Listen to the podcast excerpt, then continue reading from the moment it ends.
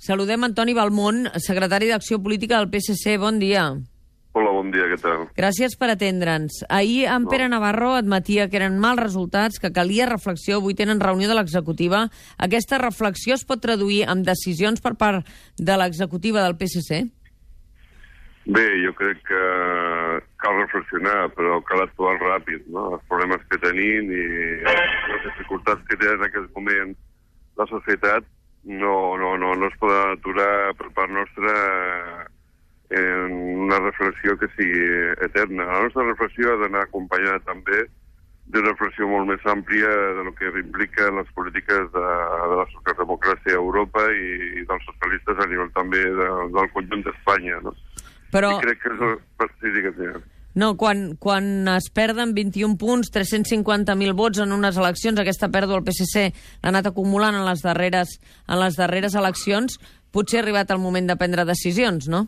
Bueno, jo crec que, que compartirà vostè amb mi que en cinc anys han passat moltes coses a la nostra societat, no? Mm -hmm. Des del punt de vista electoral pues, han passat moltes eleccions. Vull dir, a Catalunya només hi he tingut dues eleccions al Parlament de Catalunya. Sí. I, per tant, aquestes circumstàncies estan ahí presents, no? Vull dir, seria... Havia estat d'una ficció pensar que nosaltres tindrien un resultat diferent al que van obtindre a les eleccions al Parlament del 2012. No? El resultat del Parlament de les últimes eleccions autonòmiques és molt similar a lo que ahir va passar a Catalunya, no? En una gran diferència, hi va haver menys participació ahir, no? Malauradament. Menys, més. De la, ahir va haver que... més participació. Menys, menys participació. Menys respecte a les parlamentàries, sí menys participació del que va haver al Parlament del sí, 2014, sí. no? Vull dir que són les últimes eleccions, que ja no són enquestes, no? Per sort les, les eleccions no són enquestes. -huh. ja són resultats que estan ahí, que es poden interpretar de moltes formes, que cadascú farà en el sentit d'intentar protegir la seva proposta, però nosaltres en aquest moment som conscients que, que la nostra posició, la nostra proposta, està en un moment molt delicat. No? I per tant és possible que acordin una remodelació de l'executiva aquest vespre? Bueno, jo crec que estem obligats també, perquè l'executiva hi ha hagut unes quantes vacants, les tenim que cobrir, i tenim que reorientar algunes posicions polítiques i personals també, no? Per Però, tant, podria ser que Pere Navarro plegués? No, no, això segur que no, eh? Vull dir, no, no, no és el tema, no. no Nació, miri vostè, si Nació el PSC pogués resoldre els seus problemes, el senyor Pere Navarro mm. eh, seria el primer que posaria a disposició el seu càrrec. El problema de sí. nostre és totalment diferent eh, de lo que va passar ahir. És un tema en el conjunt d'Europa, que anaven a buscar un resultat d'Europa per intentar limitar les conseqüències d'aquesta crisi, això no ha estat possible i després Espanya i Catalunya han tingut conseqüències, evidentment, perquè han fet un mal resultat. La veu d'Helena Valenciano del PSOE també era, evidentment, d'un perfil baix perquè el PSOE admetia que els seus resultats no eren tampoc satisfactoris. Per tant, que... tant PSC com PSOE han rebut unes males notícies en aquestes eleccions. És evident, no, no, jo no s'ho nego, però és curiós, vull dir, l'esquerra, eh, si vostè la suma, encara que fragmentada, ha guanyat a la dreta. Mm -hmm. I per tant hi ha un camí i aquest camí està aquí. I jo crec que això sí que és important, saber interpretar de forma freda, dirien, eh? perquè la reflexió el que s'ha de fer de forma freda, no calent.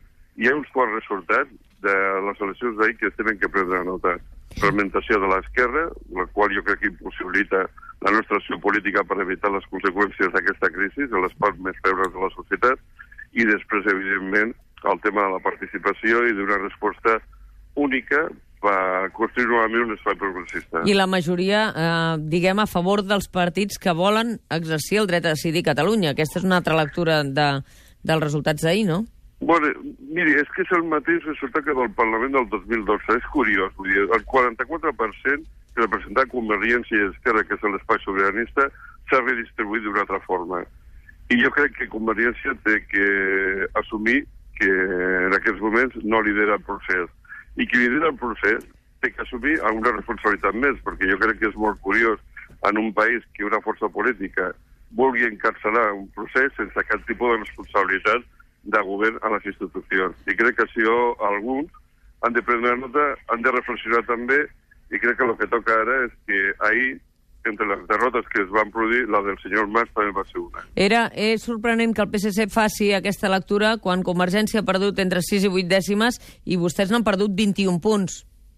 Sí, però és que vostè em vol comparar en el 2009 i jo no puc comparar en el 2009. És dir, ja li dic que han passat moltes coses en 5 anys. I miri, el bloc sobiranista a les eleccions del Parlament del 2012 va ser el 44%. El bloc sobiranista d'ahir va ser el mateix 44% amb més participació. Això sí, en una redistribució molt diferent. I el senyor Mas ahir va perdre. Nosaltres no vam guanyar, però el senyor Mas ahir va perdre. I aquesta lectura està aquí. Antoni Balmont, secretari d'Acció Política del PSC, estarem amatents a les decisions que prenguin aquest vespre. Li agraïm molt especialment que hagi volgut atendre'ns avui al matí de Catalunya Ràdio. Que tingui molt un bon amable, dia. que tinguis un bon dia. Adéu.